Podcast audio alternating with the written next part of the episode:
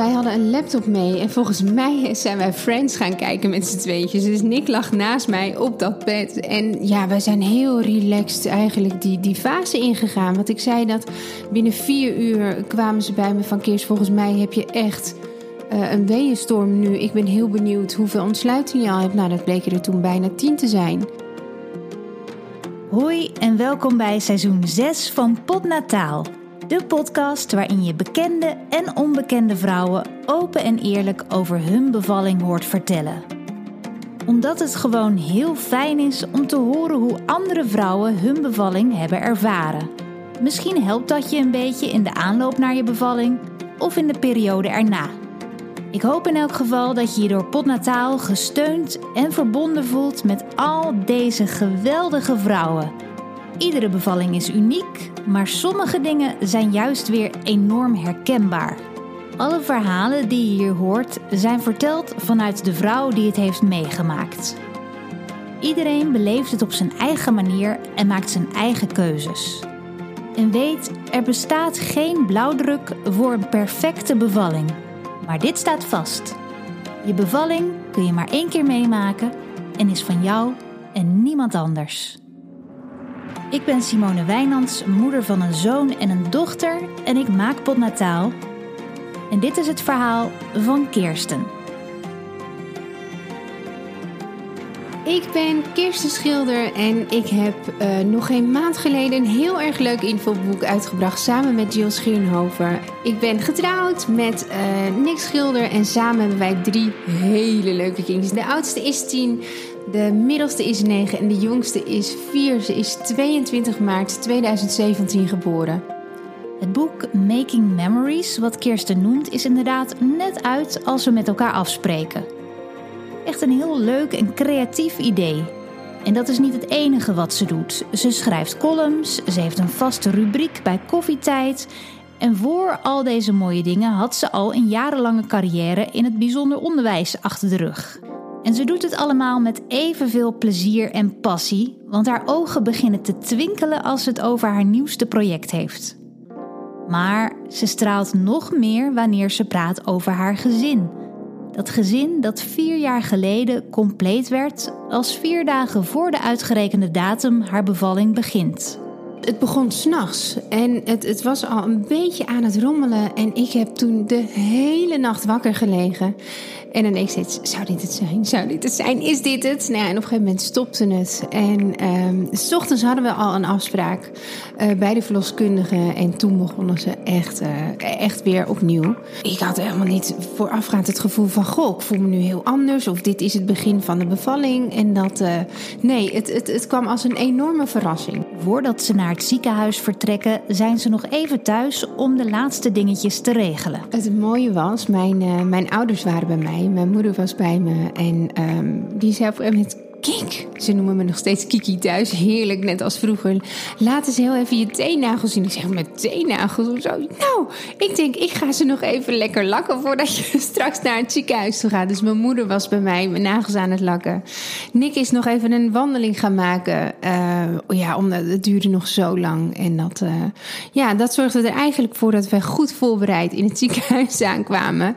En eigenlijk helemaal klaar waren voor de bevalling. De tas met spullen voor het ziekenhuis staat al keurig klaar. Die heeft Kirsten al ver van tevoren met heel veel zorg ingedeeld. Ik had, uh, ik had eigenlijk, volgens mij was dat zelfs een, een maand van tevoren dat we alles al, dat ik alles al klaar had gezet. Ik had zelfs uh, tasjes om uh, de, de, juiste rompertjes gedaan die ik heel graag wilde. We wisten dat het een meisje zou worden. Dus ik had alles klaargelegd met een labeltje eraan van dit is het rompertje, dit is het uh, de, de, eerste pakje, het mutsje. Alsof ze dat niet konden zien. Maar ik wilde het per se op een labeltje geschreven hebben. En ik weet nog dat, dat je dan het moment dat je het ziekenhuis inloopt, dat je de kamer inloopt en dat je dan dat wiegje ziet staan. Dat je echt denkt van... Oh, hier ligt gewoon straks onze baby in. En je kunt je daar nog zo geen voorstelling van maken. Omdat je daar natuurlijk binnenkomt met een hele dikke buik. Een tas vol met spullen. En dat je gewoon weer naar huis gaat. Met, met een, een gevulde maxicosi met je, met je kindje daarin. Die dus daarvoor eventjes in het wichtje heeft gelegen. De andere twee kinderen zijn in goede handen bij opa en oma als ze naar het ziekenhuis vertrekken. Want dat het een ziekenhuisbevalling moet worden, is al sinds het begin van haar zwangerschap duidelijk. Het moest bij mij medisch, uh, vanwege het feit dat bij de eerste twee sowieso al mijn placenta niet meekwam. Dus ik moest in het ziekenhuis bevallen. En gelukkig maar, want ook bij de laatste bevalling kwam mijn placenta niet mee. Dus mocht ik, of moest ik daarna gelijk uh, naar de operatiekamer om, uh, ja, om daar uh, mijn placenta te laten verwijderen. Maar daar komen we straks op. Kirsten is uiteraard vol verwachting als ze het ziekenhuis ingaan. En bovenal voelt ze zich gerustgesteld dat ze in goede handen is, hoe het ook mag gaan lopen. De weeën zetten ondertussen goed door eigenlijk bij 4 centimeter. Dacht ik van, oh ja, zo voelde ze dus. Oh ja, zo ging dat dus. Toen um, heb ik gekozen voor een ruggenprik. En dat heeft bij mij echt heel erg goed geholpen. Zelfs zo goed dat ik op een gegeven moment in slaap was gevallen tijdens een weeënstorm. Dat, um, um, dat, dat, dat ze ook naar ons toe kwamen en zeiden van Kirsten, volgens mij um, gaat het ontzettend goed. Nou ja, dat bleek. Ik had toen bijna 10 centimeter ontsluiting. Dus je ging van in een tijdsbestek van. Uh, ik denk dat dat. Oh, dat is een goede. Volgens mij heeft dat een uur of vier geduurd. De ruggenprik zorgt voor de nodige ontspanning bij Kirsten.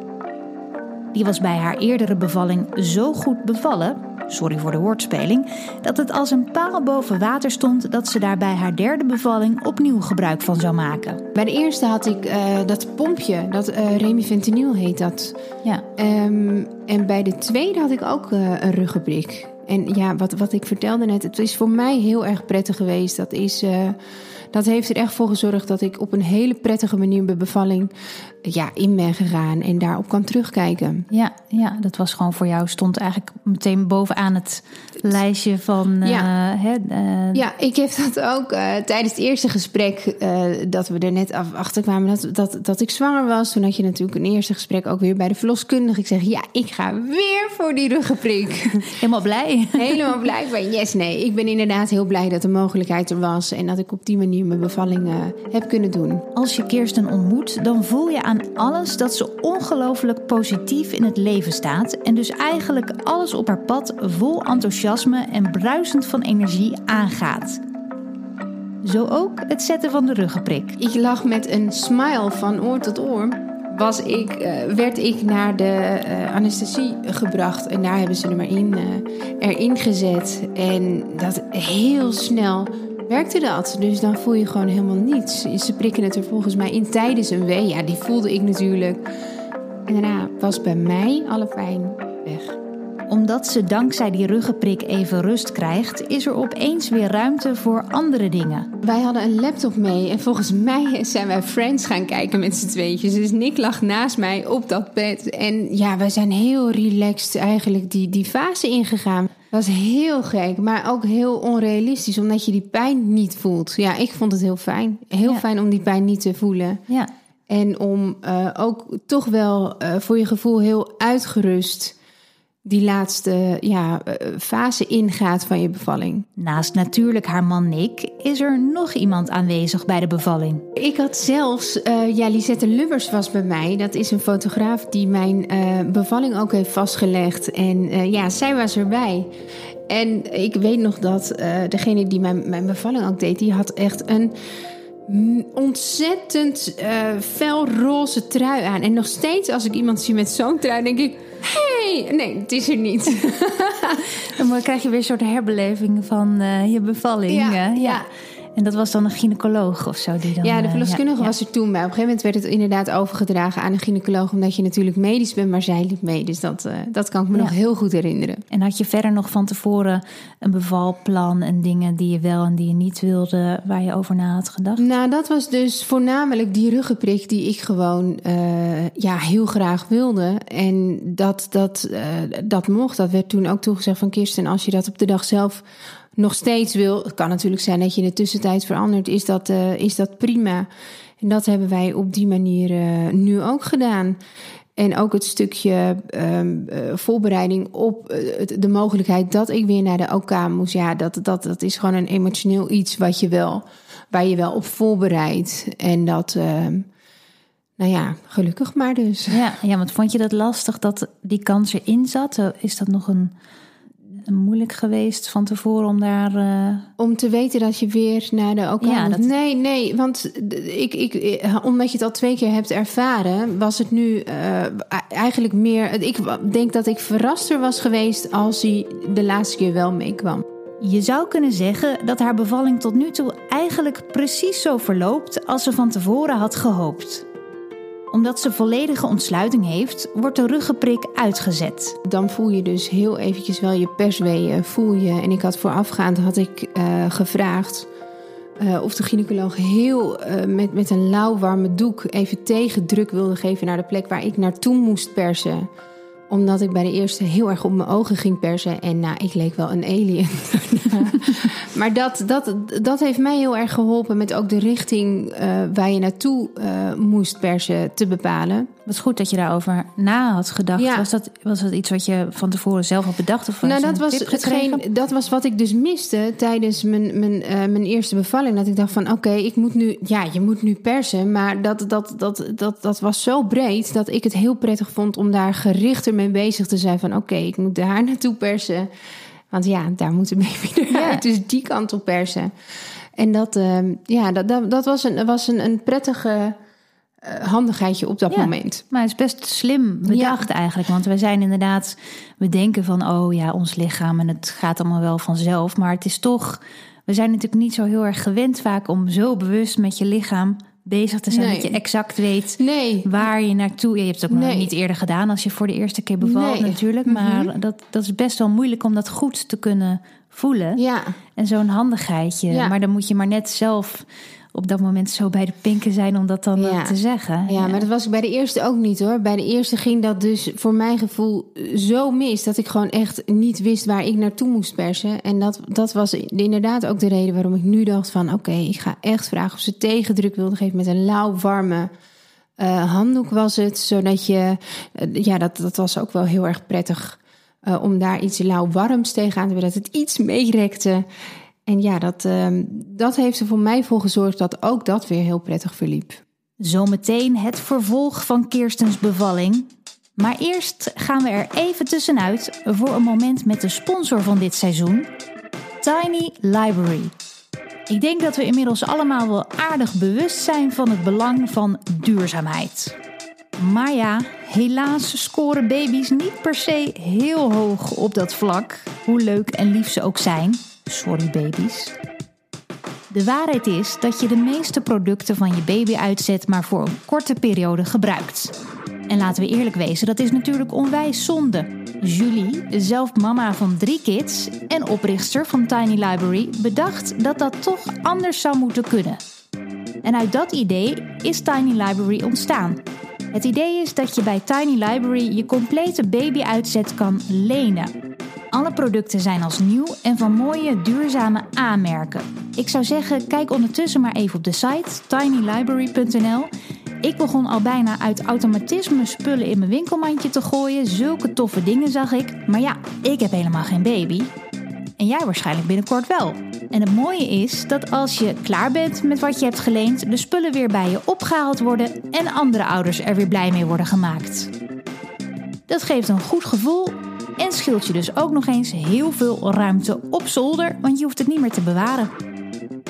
En het belangrijkste, het is veel beter voor onze aarde en dus uiteindelijk ook weer voor je kind. Natuurlijk scheelt het je ook nog eens in de kosten. En het allerbeste aan het verhaal is, ik mag een unieke kortingscode weggeven. Met de kortingscode POTNATAAL20 krijg je nu 20% korting op de eerste maand van je abonnement. Dus ga nu naar tinylibrary.nl met kortingscode POTNATAAL20 om jouw babyuitzet compleet te maken. En dan nu snel weer verder met het bevallingsverhaal van Kirsten. Kirsten voelt zich helder en uitgerust voor het laatste stukje. Sowieso heeft ze het gevoel dat ze in hele goede conditie is. Ook haar zwangerschap zelf verliep eigenlijk vlekkeloos een hele fijne zwangerschap. Het is, ik had wel een, um, een, een, een, een enorme chocomelverslaving. Ik heb elke dag een blikje chocomel ben ik gaan halen bij de plaatselijke winkel. Dat ik echt dacht van ja, die moet ik gewoon hebben. Ik was 25 kilo uh, aangekomen. En ik heb er heel erg van genoten. Ze zijn daarna failliet gegaan waarschijnlijk, die, omdat je niet meer langskwam? Nee, nee, nee. Nee, inderdaad. Die, uh, die, die hebben wel geweten dat ik zwaar was. En iedere dag kwam ik even langs voor mijn blikje chocomel. Wat heerlijk, ja. ja. En dan, was dat dan daarna meteen weg? Nee, dat is nooit meer weggegaan, maar ik heb hem wel gedoseerd. ja, ja. Dus uh, nee, dagelijks een blikje chocomel, dat zit er niet meer in. Maar zeker wel, uh, nog steeds vind ik het heel fijn om dat... Uh... En het grappige is dat ik daar ook heel vaak aan terugdenk. Ik weet nog wel dat Lisette in het ziekenhuis ook zei... Dus nog voordat ik moest bevallen van Keer, kan ik misschien beneden bij het winkeltje iets voor je halen? Ik zei, ja, chocomel! en toen kwam ze met chocomel, met als verrassing een KitKat. Ja, dat, dat, ik had een hele zoete smaak en een zoete trek ook in uh, tijdens mijn zwangerschappen van mijn twee dochters.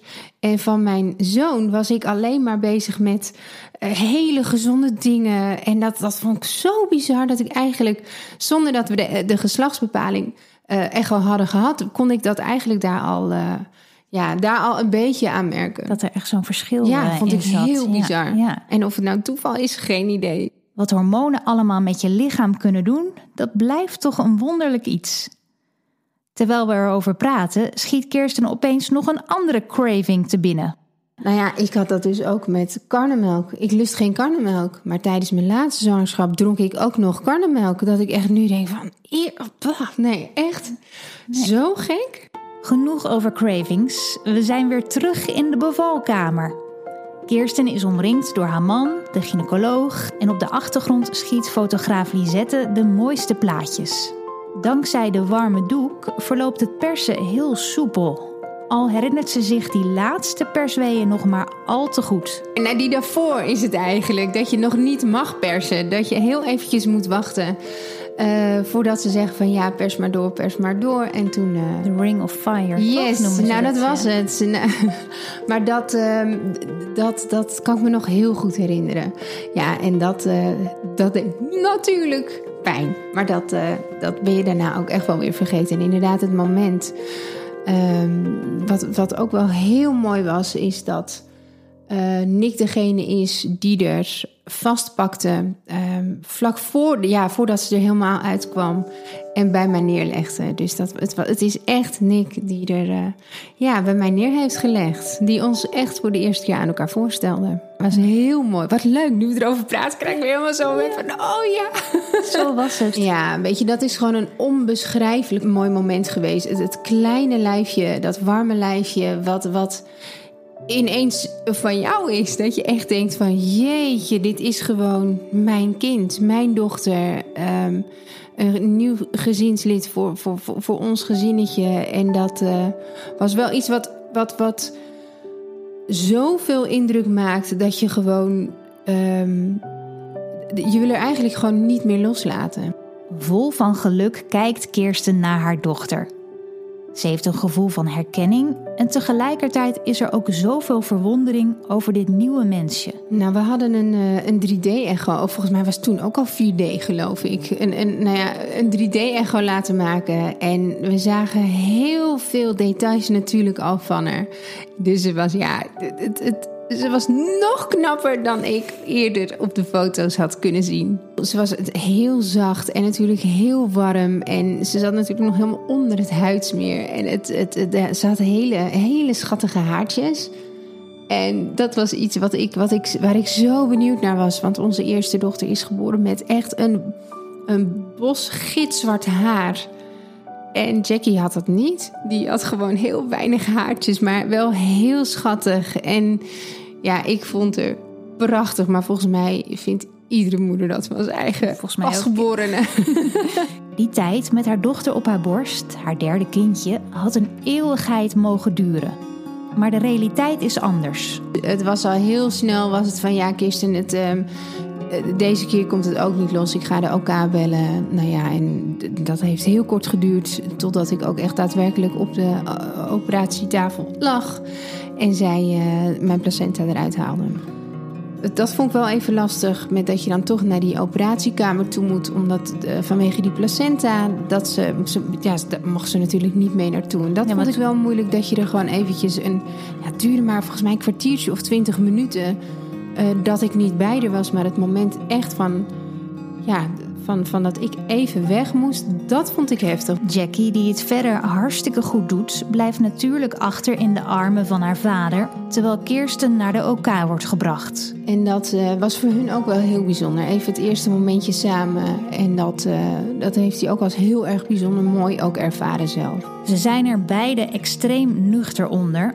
Met name omdat het al twee keer eerder voorgekomen is. En het, het mooie is dat voordat je onder narcose gebracht wordt. Uh, ik, ik, had een waanzinnig lief team van, van mensen om me heen die ook zeiden van. Die gaan natuurlijk even een gesprekje met je voeren. Nou ja, en drie keer raden waar ik het natuurlijk over gehad heb met ze, met, uh, over, mijn, uh, over onze prachtige dochter. Ja, dat, dat moment dat je dan eventjes weggaat, dan, daarvoor denk je, mij krijgen ze echt niet in slaap. Want ik ben klaar wakker. Nou ja, wel dus. En dat, uh, nou ja, binnen een kwartier, twintig minuten ben je weer terug op je, op je kamer. En lag Jackie weer bij mij in mijn armen. Het voelt bijna alsof ze niet is weg geweest. Omdat je nog zo vol zit met dat gelukshormoon. Dat je echt. Je hebt het gevoel dat je de wereld aan kunt. En ik was niet moe, ik was niet vermoeid. Ik was alleen maar bezig met. Uh, met die kleine meid. En natuurlijk was ik bek af, lichamelijk helemaal gesloopt. En uh, de rest van de week enorm veel, uh, vooral heel veel spierpijn gehad. En natuurlijk heb je wel heel veel pijn daarna. Maar ja, op dat moment zelf heb ik daar helemaal geen last van gehad. Je kan wel zeggen dat ze op een roze wolk zit. Ze mogen nog niet direct naar huis. Ik moest heel eventjes nog blijven. Mijn, moeder, mijn ouders, mijn schoonouders en mijn, scho mijn zwagers en mijn schoonzussen zijn ook gelijk naar het ziekenhuis toe gekomen. Samen met mijn, uh, mijn beste vriendin. En Nikki, die, uh, onze oudste dochter, die was toen net zes. En die, ja, die kon het niet afwachten om haar, uh, haar zusje te zien. Dus die rende echt het ziekenhuis binnen. En uh, mijn moeder mocht niet mee, want zij wilde echt heel graag de eerste zijn die haar zusje kon zien. Dus dat, uh, dat gebeurde. Het mooie is dat we ook een hele mooie foto hebben van ons gezin. Voor het eerst met vijf personen.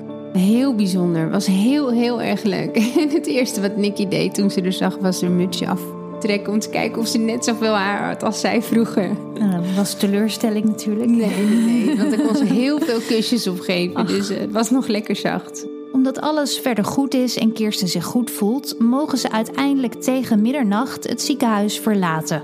Wij kwamen thuis, eh, de kinderen lagen natuurlijk al in bed. En het, het moment van thuiskomst dat je voor de eerste keer denkt van jeetje, we hebben nu gewoon drie kindjes. En ja, dan um, bereid je je voor op de ochtend daarna dat uh, de kraamhulp natuurlijk komt. En dat je de kinderen gaan naar school. Ik had van tevoren bedacht, we wisten, omdat het een meisje, we wisten dat het een meisje werd, had ik uh, roze koeken gekocht. Met, uh, volgens mij zaten er smarties in voor beide kinderen. Die gingen toen beide naar school.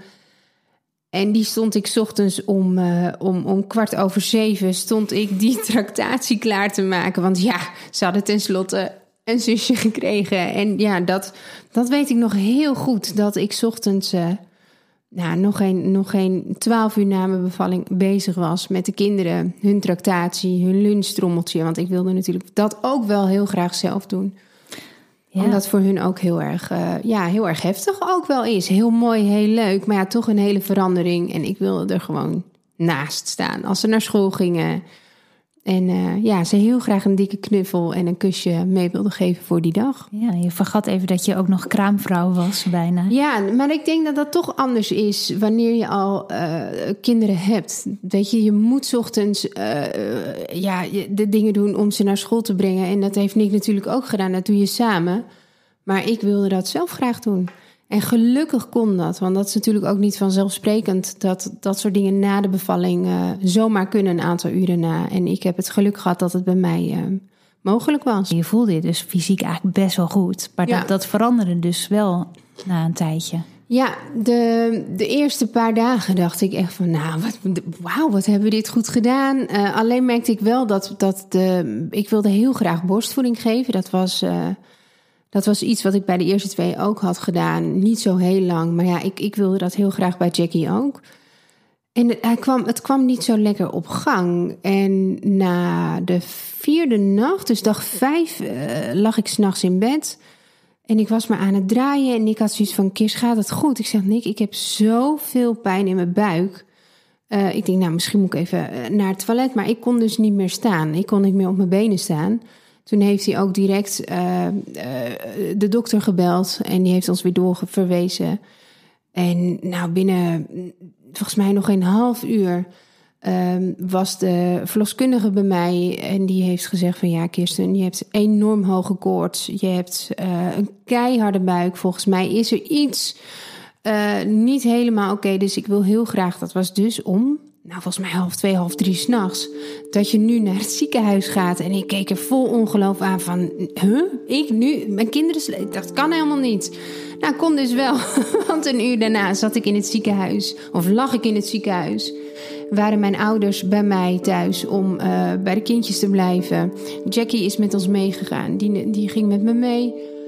En uh, ja, moest ik daar een paar uur blijven om, om s ochtends om half zeven weer op die operatietafel te belanden. Omdat ze een deel van mijn placenta, ja, was, hadden ze er niet mee uitgehaald. Ja, dat is natuurlijk heel lastig om op gevoel alles weg te halen. Dus nou, ze waren een klein stukje vergeten. Nou, dat zorgt er dus voor die, uh, voor die klachten. Dan krijg, geeft je lichaam een soort van te tegenreactie. Van die geeft nog geen signaaltje van uh, deze mevrouw is bevallen. Dus we kunnen gaan beginnen. En uh, om, om het lichaam gereed te maken voor de borstvoeding, dat, dat gebeurde bij mij gewoon niet. En um, dat was bij dag vijf. Dus dat waren ook mijn kraamtranen. en ik weet nog dat ik daar lag Voordat ik dus weer onder narcose gebracht werd. En dat, dat de mensen om me heen ook weer stonden. Volgens mij was het hetzelfde team zelfs als toen ik beviel. Dat ik alleen maar kon huilen. En er was helemaal niks, want ik had, ik, ik had geen verdriet, maar mijn tranen, het stopte gewoon niet. En ik weet nog dat iemand gewoon echt zo'n ei over mijn wang gaf en zei: Liever, dit komt allemaal goed. En ze waren zo zorgzaam, zo ontzettend lief, dat je ook daar zoveel ja, vertrouwen uit haalt eigenlijk. Van ja, dit komt wel goed, het komt wel goed. Ik vond dat erger en heftiger dan eigenlijk uh, die vijf dagen daarvoor dat mijn placenta weggehaald werd. Ook voor de immer positieve Kirsten voelt dit, in combinatie met de kraamtranen, even als een domper. Het was inderdaad ook die combinatie van inderdaad de kraamtranen, je emotie. Je bent natuurlijk vermoeid omdat je vijf nachten of, of vier nachten al veel anders slaapt. Omdat je natuurlijk die borstvoeding goed op gang wil krijgen. Um, ga je heel extreem vermoeid die vijfde of vierde nacht in. Nou, en als dat dan gebeurt, ja, dat was voor mij uh, was dat funest. Ja. Ik was toen, uh, dat, ik vond dat heel heftig. En ik moest daarna ook eventjes nog blijven ter observatie. Ja, dat, uh, ja dat, dat heeft er bij mij heel erg ingehakt. Na twee nachten mogen ze het ziekenhuis weer verlaten. En nu dan ook echt. En dan kom je thuis en dan, dan draait de boel weer. En dan is uh, de nachten waren iets beter omdat de borstvoeding ging uh, de, de, goede kant op. En je hebt natuurlijk nog steeds uh, thuis iemand die je gewoon continu bijstaat en die je helpt. En als je eventjes heel erg onzeker bent van gaat het goed, slaap ze goed, moet, moet ik er niet nog aanleggen of als iets niet lukt. dat, dat de kraamhulp daar zo erg behendig op, op reageert, dat ze me zoveel onzekerheden eigenlijk heeft weggenomen. Dat heeft ervoor gezorgd dat ik eigenlijk toen ook ja, echt wel aan mezelf kon denken. Want ze kon heel goed zeggen van ja, Kirsten, het is nu 12 uur. Jij gaat nu naar bed, de telefoon leg je hier. Je moet nu echt gaan slapen. Want om drie uur, kwart over drie zijn de andere kinderen weer thuis. En dan wilde ik natuurlijk ook wel weer goed zijn. Dus dat... Uh, je had wel iemand nodig die dat tegen je zei. Ik had echt iemand nodig, want ik ging maar door. Ja. En had je wel meteen het vertrouwen toen je de tweede keer het ziekenhuis uitkwam dat het nu goed was? Dat je niet, ik voelde uh... het. Ja? En ik merkte het ook heel snel aan, aan, aan, uh, aan mijn borstvoeding, die uh, eigenlijk vanaf dat moment nog steeds niet perfect ging, maar wel een stuk beter dan die eerste vier dagen. Vanaf dan kan het echte grote genieten en vooruit het slaapgebrek echt beginnen. Ze sliep redelijk goed. Alleen dat is ook natuurlijk omdat je er drie hebt als uh, Jackie s'nachts redelijk goed slaapt. En uh, de middelste, die, onze zoon, die kwam vaak om half zeven. Ja, dan heeft hij natuurlijk een fantastische nacht gehad. Maar ja, dan begin je dus weer om half zeven. Dat is wel even een andere dynamiek met drie kinderen. Dat is heel anders, ja. Dan, ja. Uh, als ik dat vergelijk met de eerste, is dat inderdaad heel anders. Ja. En hoe gaat het nu met Jackie? Het gaat heel goed. Ja, ze zit op school. Ze is, uh, het is een hele vrolijke meid. Hele ja, intelligente meid. Heel grappig is ze. En ja, het is een, een, een heel, uh, ja, heel bijzonder om te zien als je ochtends wakker wordt. En uh, ze doet de armpjes wijd en ze zegt tegen mijn oudste dochter: Nikki, kom eens, ik heb een hele lekkere dikke knuffel voor je. En dan zie je die twee met elkaar knuffelen. En heel vaak zie ik ze dan met z'n tweetjes naar Julian kijken: June, wil je ook een knuffel? Nou, dat wil hij dan stiekem altijd ook wel graag.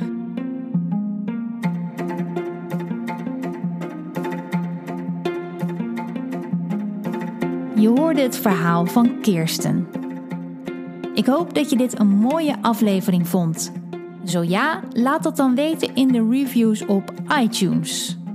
En kom me lekker volgen op Instagram via @podnataal en mij persoonlijk volgen kan ook via @simonewijnands En vertel natuurlijk al je zwangere vriendinnen, buurvrouwen, nichtjes en zusjes over deze podcast.